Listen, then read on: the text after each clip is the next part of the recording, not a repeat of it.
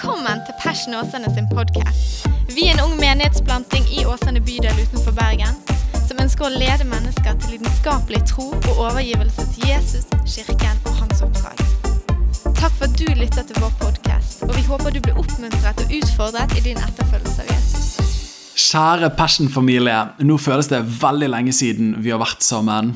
Og eh, jeg håper at eh, det ikke blir altfor lenge til vi kan møtes ansikt til ansikt ved å feire gudstjenester. Om det blir en liten stund til, så håper jeg i hvert fall at vi kan komme sammen i småfellesskapene, huskirkene. Og det er utrolig gøy å høre de kreative måtene der vi finner måter å ha fellesskap på, som gjennom Messenger og bønnemøte på Zoom osv. Veldig, veldig stas. Håper uansett at der du er, med deg og dine, at du har det godt, selv om det er unntakstilstand og det er ikke en situasjon som vi har lyst til å være i, både som enkeltpersoner, men ikke minst som land og som verden. Men midt i det hele så um, er det påske, og jeg tenkte at uh, det hør og bør å kunne få lov til å løfte opp påskens budskap sammen som kirke. Særlig når vi ikke får mulighet til å møtes. Og uh, i løpet av de øyeblikkene som vi deler nå, så um, har jeg lyst til å snakke helt enkelt om hva er greien med påsken? Spørsmålstegn. Hva er greien med påsken? Spørsmålstegn. Som eh, de fleste av dere vet, så har jeg vokst opp i en flott kristen familie. Hatt en eh, kristen tro og overbevisning i veldig mange år. Og fra jeg var 13 år gammel, så ble denne troen personlig for meg. Har utdannelse i teologi, har jobbet i kirke og har reist forholdsvis mye og forsynt og har vært aktiv i mange år. Men så kommer den ærlige erkjennelsen at påsken fort for meg egentlig har eh, primært vært kos og egentlig lite kraft bak det hele. Selv om jeg vet med hodet at dette er den viktigste kristne høytiden, ja, faktisk viktigere enn jul, som vi alle er så utrolig glad i, så har påsken hovedsakelig for meg vært eh, skolefri, hyttetur, familietid, ski og avslapning sammen med familien. Og hvis jeg skal driste meg til å være enda mer ærlig, så vet jo jeg at dette er jo tilfellet for de fleste nordmenn, men jeg vil påstå at jeg tror kanskje dette òg er tilfellet for de fleste kristne i dag, og kanskje i hvert fall for de som er litt yngre. At man egentlig ikke har et veldig spesielt forhold til påsken, men man tenker at eh, Påsken er primært skolefri, det er kos, det er hyttetur, og det er det det er, da. Og vi i Norge vi har nesten et litt sånn kvasireligiøst forhold til påsken. Jeg vet ikke om du har tenkt på det, men for en tid tilbake så tenkte jeg på at vi har jo mange egne ord for påske, til og med. Ja, Påskehare, påskeegg, påskekylling, påskenøtter, påskekrim, påskefjellet, påskeføre, påskebrun, påsketrafikk og ikke minst påskeferie. Det må vi ikke glemme. Og så ble spørsmålet som jeg stilte til meg, og som jeg har lyst til å løfte opp sammen med deg og oss som kirkefamilie. Ja, hva er greien med påske? Ja, hva er påske, og hvorfor er det viktig? I Jesu navn. Da hopper vi rett i det, venner. Og jeg må innrømme også at Det føles litt rart å ikke se de vakre ansiktene deres når jeg preker, men å sitte her eh, på bedehuset alene og spille det inn føles litt merkelig. Men eh, vel vitende om at dere er på andre siden, og at eh, Ja, at en dag så skal vi ses igjen. Men du, hva er greien med påske? Hva er det, og hvorfor er det viktig? Og det første, hva er påske? Ja, hva er egentlig grunnen til denne høytiden bak alle de koselige ordene og assosiasjonene? For det er jo ikke til å komme unna at uh, denne høytiden har blitt feiret i årtusener. Og det har han ikke blitt gjort pga. alle de koselige påskeordene våre, eller pga. at det gir eh, skolefri eller jobbfri. Nei, denne høytiden har blitt feiret pga. at det har en betydning og det har en historie bak seg. Og Selve ordet påske kommer fra det hebraiske ordet pesach, som betyr gå forbi. Og Dette handler om jødenes utgang fra Egypt. Og Jødene var de første som feiret påske. Og de feiret det til minne om at Gud hadde tatt jødefolket ut av Egypt. Men den kristne påsken vi feirer jo ikke den med den bakgrunn, men den kristne påsken handler jo, som mange vet, om Jesu siste uke, de siste dagene i Jesus sitt liv. Og dette er den kristne høytiden. Og jeg vet at For min egen del så trenger jeg av og til en liten forfriskning i ja, hva var disse dagene her? Hva var egentlig denne påskeuken her? Og vår påske er jo ikke bare én dag, men det er flere helligdager med ulike hendelser som danner vår påske. Og Nå tenkte jeg til å begynne med hva er påske? Jo, en kjapp gjennomgang. Første helligdagen vår i påsken, og som vi feirer, er palmesøndag. Hvis du leser de synoptiske evangeliene, Matteus, Markus og Lukas, så får du inntrykk av at Jesus ikke har vært i Jerusalem etter han begynte sin offentlige tjeneste. Men at hele hans tjeneste i Galilea, i Judea, har bygget opp til at han skal opp til Jerusalem, og der skal han møte motkreftene til den han var og det han sto for, og der skulle klimakset virkelig komme. da. Og Det ser vi òg at Jesus forteller til disiplene at nå går jeg opp til Jerusalem, og der skal menneskesønnen gi sitt liv. Dette er heftige greier. Det var følelsesladd. Det var bygget opp til dette her. Og Jesus på denne tiden her må vi huske han var jo ikke bare en, en, pastor i en kirke som bare de innvidde hadde hørt om eller hørt på, men Jesus var jo en sensasjon. Han var jo en, et blikkfang for hele nasjonen. Han prydet Instagram og Facebook, han prydet mediebildet. Han var personen som alle lurte litt på hvem er han fyren her, for dette virker heftig, men hva er egentlig denne personen, og hva er det han holder på med? Ja, Han helbreder mennesker, han setter mennesker fri. Ja, Han gjør jo så mange gode ting. Ja, Kanskje dette er en mann som vi bør ha øynene oppe for. Kanskje han faktisk Ja, kanskje han er Messias. Og Når du hører ordet Messias, så kan det være at det høres litt rart ut, men det betyr helt enkelt frelseskonge. Og Gjennom hele Det gamle testamentet så hadde folket håpet på at en dag skal Messias komme. Denne frelseskongen som skal gjøre alle ting vel igjen. Og Profetene gjennom Det gamle testamentet hadde òg talt om at en dag så kommer denne frelseskongen. Og Jesus, når han kommer ridende opp til Jerusalem på et esel av alle ting, ja, hadde han virkelig vært en, eh, en høy konge, så hadde han ridd på en flott hest, i hvert fall. Men han kommer på et esel, og så vi skal se, så har det en betydning. Og når han kommer inn der, så blir hele byen satt i bevegelse, står det. Og folk tar av seg sine ytterklær, legger de ned på bakken, tar palmegrener av trærne og ønsker han velkommen. Derav palmesøndag. Og så sier de Hosianna, Davids sønn, velsignet være han som kommer i Herrens navn. Og Dette her er en heftig proklamasjon. og Når du hører Hosianna, og jeg har tenkt det, hva betyr egentlig det der Hosianna for noe? Jo, det henspeiler på det er vel Salme 118, der det egentlig handler om Og det betyr egentlig 'frels oss, frels oss, frels oss'. Og 'Velsignet være Han som kommer i Herrens navn' er jo òg en henvisning til denne Messias, frelseskongen, som skal komme. Og Davids sønn var jo òg et innarbeidet begrep at Messias skal være sønn av David. Så det at Jesus blir tatt imot som en konge, ja, ikke hvilken som helst konge, men faktisk kongenes konge, ja, Messias, han som skulle gjøre alle ting rett igjen. Og vi ser i løpet av eh, den uken som følger, for Palmesøndag danner innledningen til den stille uke, til påskeuken og til vår påskefeiring. Så ser vi at mentaliteten i folket endrer seg fort, fordi de trodde at han skulle være kongen som skulle gjøre alle ting rett. Og det var jo nettopp det han var. Men de tenkte først og fremst et politisk rike, noe som gjorde at i løpet av en uke kunne store deler av folkemengden vende seg mot han og ønske at han skulle dø. Og dette er jo veldig rart, men hva sier Palmesøndag til oss i dag? Jo, Palmesøndag sier oss at, at Jesus er vår frelseskonge. At Jesus er, forstå meg rett, men Supermann som vi alle håper på. Han er han som kommer til vårt liv, som kommer inn i vår verden, og som begynner å gjøre alle ting rett. Men som vi har snakket om i Passion, så har Guds rike kommet med Jesus. Men vi venter òg på at det skal komme, allerede og ennå ikke. Derfor kan vi oppleve at han gjør mye godt i våre liv og i vår verden i dag, men fullt ut vil vi aldri se det før den dagen han kommer igjen, og himmelen inntar jorden fullt og helt. Dette er det kristne håpet. Videre så møter vi, når du leser eh, skildringen av Jesus i den stille uka, at han er i Jerusalem, han er i områdene rundt, han helbreder mennesker, han berører mennesker. Og så kommer vi til skjærtorsdag, som er den neste helligdagen. Jeg har i hvert fall lurt hva er greia med skjær, liksom? Jo, det kommer av det norrøne ordet shira, som betyr å rense. Og Dette henviser til Johannes evangelium, det 13. kapittelet, der Jesus tar et forkle eller et håndkle rundt livet, bøyer seg ned og vasker føttene til alle disiplene sine, før de videre sitter seg ned og spiser det siste måltidet, også kalt nattværen. Etter det så går de ut i Getsemane, hagen, og Jesus ber. Og Disiplene sovner, og så kommer Judas, denne disippelen som en gang hadde fulgt han, og forråder Jesus. Og han ble arrestert av de religiøse lederne. Hva kan skjærtorsdag lære oss? Jo, noe av det første, og som gjør veldig inntrykk på meg, er at Jesus bøyer seg ned og vasker føttene til disiplene sine. Ja, Husker du det at Jesus kom ridende inn på et esel? Dette var et lastedyr. Så Jesus har en ydmyk framferd når han blir hyllet som konge. Han er ikke som alle andre konger, som bare vil ta imot beundring, men han er kongen som selv bøyer seg ned og tjener sine etterfølgere.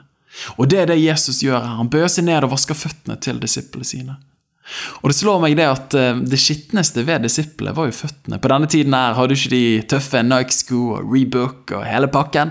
Men skoene deres var sandaler. Det var mye støv, det var mye skit på føttene, for de gikk overalt.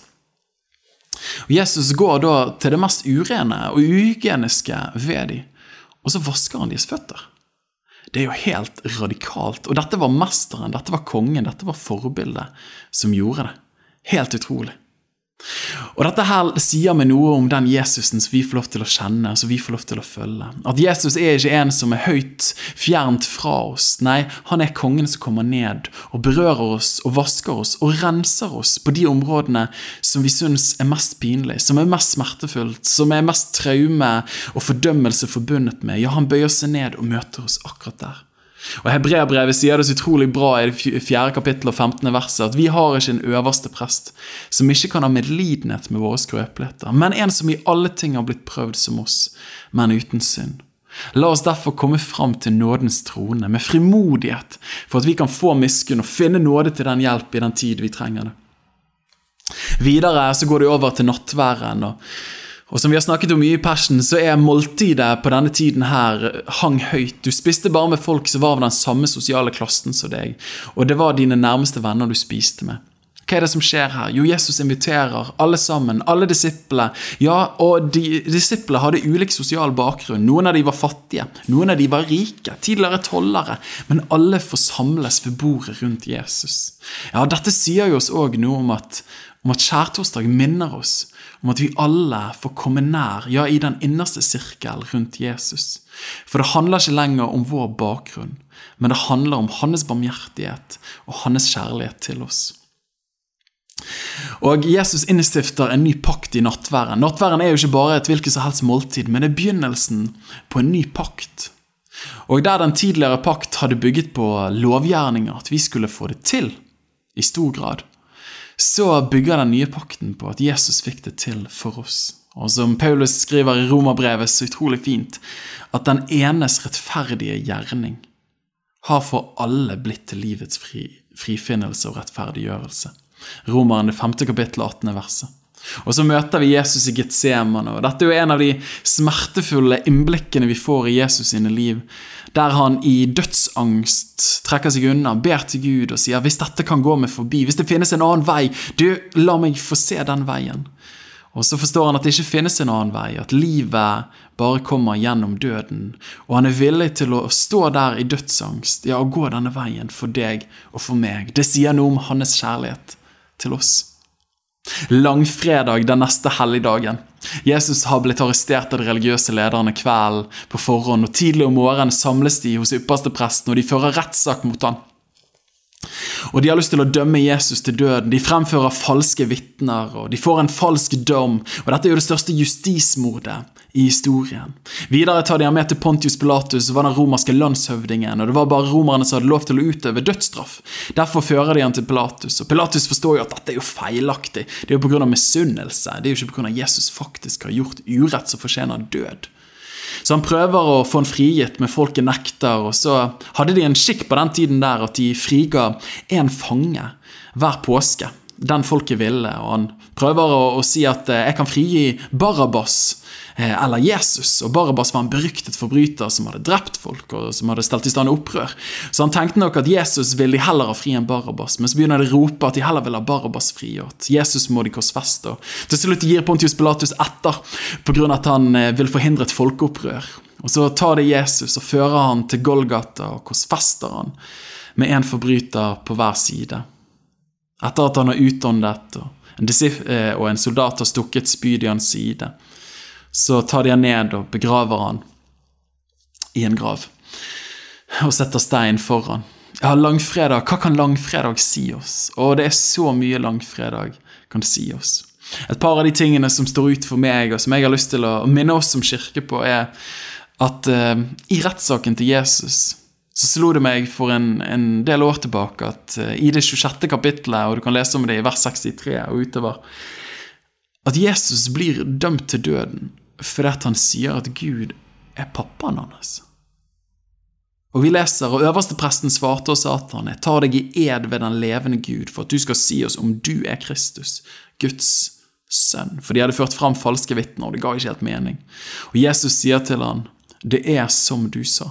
Altså Han sverger og sier, han tar en ed og sier 'Er du Guds sønn?' Og så sier han 'Det er som du sa'. Det er som du sa. Men jeg sier dere, fra nå av skal dere se menneskesønn sitte ved kraftens høyre hånd og komme på himmels skyer. Da flerret øverstepresten sine klær og sa, han har spottet Gud, hva skal vi med flere vitner? Se, nå har dere hørt hans Guds bespottelse. Og dette her syns jeg er en sterk, sterk sannhet, men det springende punktet som dømmer Jesus til døden, for Guds bespottelse, er at han sier at Gud er pappaen hans. For det ble for nært at den høye, hellige og opphøyde Gud kunne være så nært et menneske. Og Dette her minner oss òg på at Jesus han kom og forandret forståelsen av Gud som de hadde på denne tiden her. At Gud var ikke bare langt borte. Nei, Gud har kommet nær. Ja, han er ikke bare høy, hellig og bare fortjener fjern tilbedelse. Nei, han ønsker nærhet, fortrolighet og vennskap med oss, som hans elskede barn. Videre, Barabas blir satt fri. Og dette her syns jeg òg er så sterkt, men ord, navnet Barabas er satt sammen av to ulike ord. Og det er Bar, som betyr sønn, og Abba, som betyr far. Så Barabas betyr sønn av far.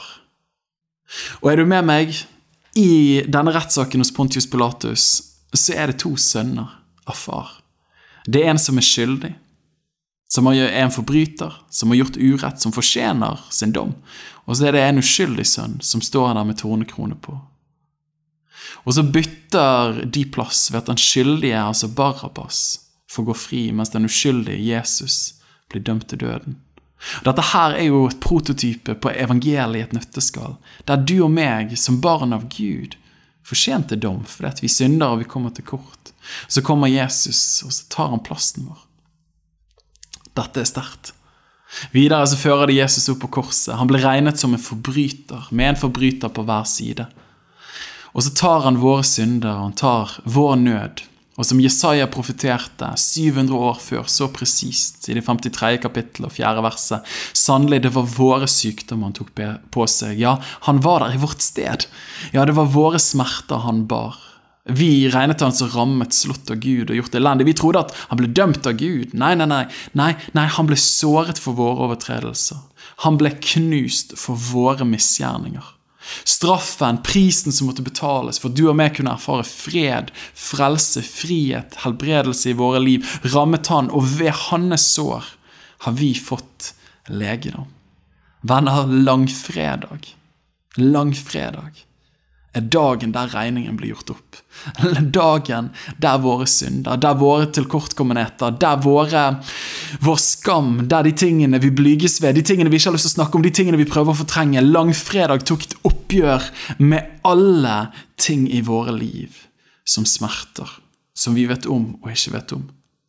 Og Så kommer påskeaften, og newsflash, det er ingen helligdag, selv om det gjerne er hoveddagen i den moderne påskefeiringen med påskeegg, godteri osv. Men tradisjonelt har dette vært en aliturgisk dag, som det heter så fint, og kirken samles ved Jesu grav i stillhet og minnes hans død. Og så kommer vi ja, til dagen over alle dager, første påskedag. Og hva er påske første påskedag? Første påskedag det som skjer, er at Maria Magdalena, Maria Jesu mor, tidlig om morgenen drar til graven for å se til ham. Og Når de kommer denne morgenen, her, så møter de et syn som de bare ikke hadde noe forutsetning for å se for seg. Men hva var det som skjedde her? Jo, når de kommer der, så var stein rullet bort. En engel møter de og sier at Jesus, han som dere søker, han er ikke her lenger. Han har stått opp. Og de ble jo helt skrekkslagne av glede, av frykt, av overraskelse. Og de løper til disiplene og sier, 'Folkens, Jesus har stått opp'. Og Disiplene tror jo ikke det med det første. Og Peter, som har blemmet seg med å fornekte at han kjenner Jesus, har håp i seg, så han løper til graven sammen med disippel Johannes. Og så finner de det som kvinnene sa. Og de klarer ikke helt å forstå hva som har funnet sted her. Og hva kan første påskedag lære oss? Jo, det er så mye første påskedag kan lære oss. Jo, det som fant sted her, nemlig at Jesus sto opp fra de døde. Dette er klimakset i påsken, og det er fundamentet til all kristen tro. Paulus sier det så usminket i 1. Korinteren 15. kapittel og 17. verset. Han sier at hvis Kristus ikke er oppstått, er troen deres til ingen nytte. Dere er fortsatt i deres synder. Da er òg de som har sovet inn i Kristus, gått fortapt. Hvis det bare er i dette livet vi har satt vårt håp til Kristus, hør på det her, da er vi de ynkeligste av alle mennesker. Men nå er Kristus oppstått fra de døde. Det betyr altså at vi ikke er de ynkleste av alle mennesker. At vi ikke bare har satt vårt håp til Kristus i dette livet. Ja, at de som har sovnet inn i Kristus på denne jorden, vil gå en evighet i møte. Og ja, at vi ikke fortsatt er i våre synder. Kristus er oppstanden. Og jeg må også slenge inn en liten digresjon der. De to som får lov til å gå med budskapet om Jesu oppstandelse. Det viktigste budskapet i all kristen tro, nemlig om at Kristus er oppstanden. Det er faktisk ikke menn, men det er kvinner. Og så kan det være at du tenker Daniel, er ikke du en sånn, altså, Prøver du å undergrave likestillingen her? Nei, jeg prøver å si at på denne tiden her så ble ikke en kvinnes vitnesbyrd aktet troverdig i en rettssak pga. at hun var en kvinne. Men likevel så velger Gud å bruke kvinner som var uglesett og som ikke hadde rettslig tillit på den tiden, til å være de som bærer budskapet om at Kristus, Guds sønn, historiens største hendelse, at han har stått opp igjen fra de døde. Det var de som fikk gå med budskapet.